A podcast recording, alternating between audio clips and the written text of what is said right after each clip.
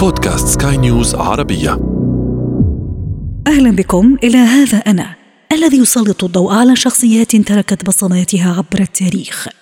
يأتيكم عبر منصة سكاي نيوز عربية على أبل، جوجل وسبوتيفاي.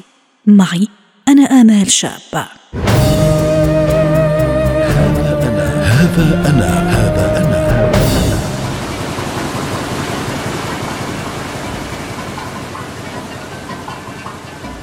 مدينة السلامية محافظة حماة شمال غربي سوريا.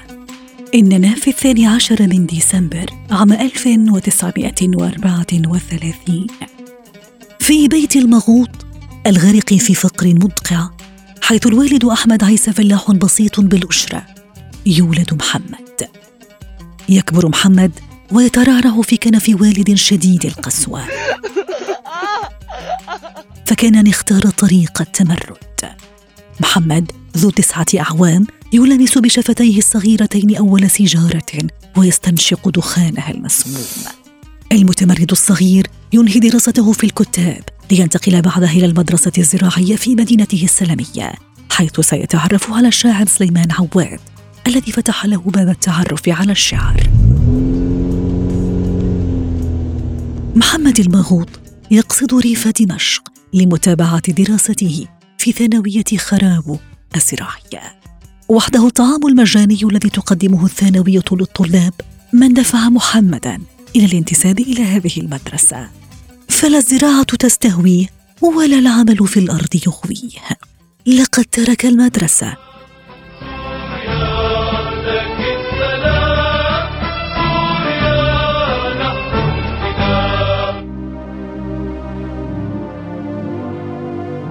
محمد المغوط ينتسب إلى الحزب السوري القومي الاجتماعي.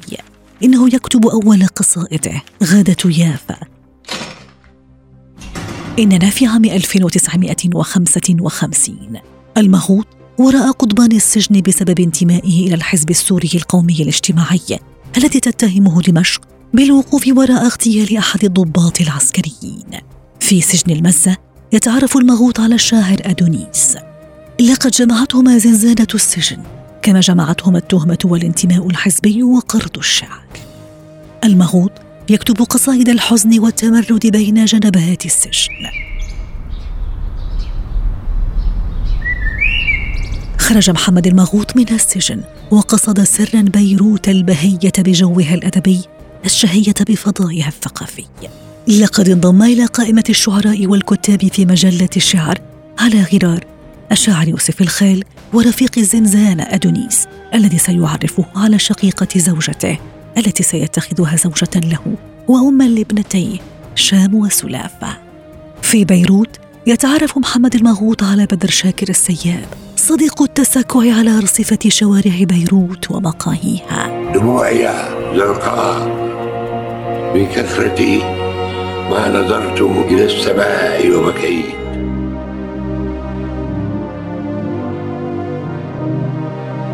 المغوط يصدر أول ديوان شعري له حزن في ضوء القمر.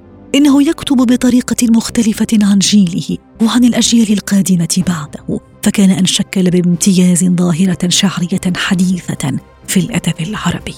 محال محال أن أتخيل نفسي إلا نهرا في صحراء أو سفينة في بحر. فهو يفهم الشعر كما يفهم الحدث ابتداء وانتهاء. وهي التجربة التي رسمت منطق القصيدة عند المغوط. إننا في سبعينيات القرن الماضي المغوط يقبل على العمل الصحفي وكتابة عدد من المقالات الساخرة ويسهم في بلورة جريدة تشرين. لقد كتب عن شبق القمع واغتصاب الحريات والدوس على كرامة المواطن العربي. فجاءت مسرحياته الساخرة المبكية المضحكة ضيعة تشرين غربة وكاسك يا وطن. سيدي حلفتك بالله. هلا انت مقتنع بالكلام اللي عم تقوله؟ خليها لربك يا مواطن. إننا في ثمانينيات القرن الماضي. المغوط في الإمارات حيث انتسب إلى جريدة الخليج وأسهم في تأسيس القسم الثقافي فيها. رافضا فكرة الزواج ثانية بعد وفاة زوجته.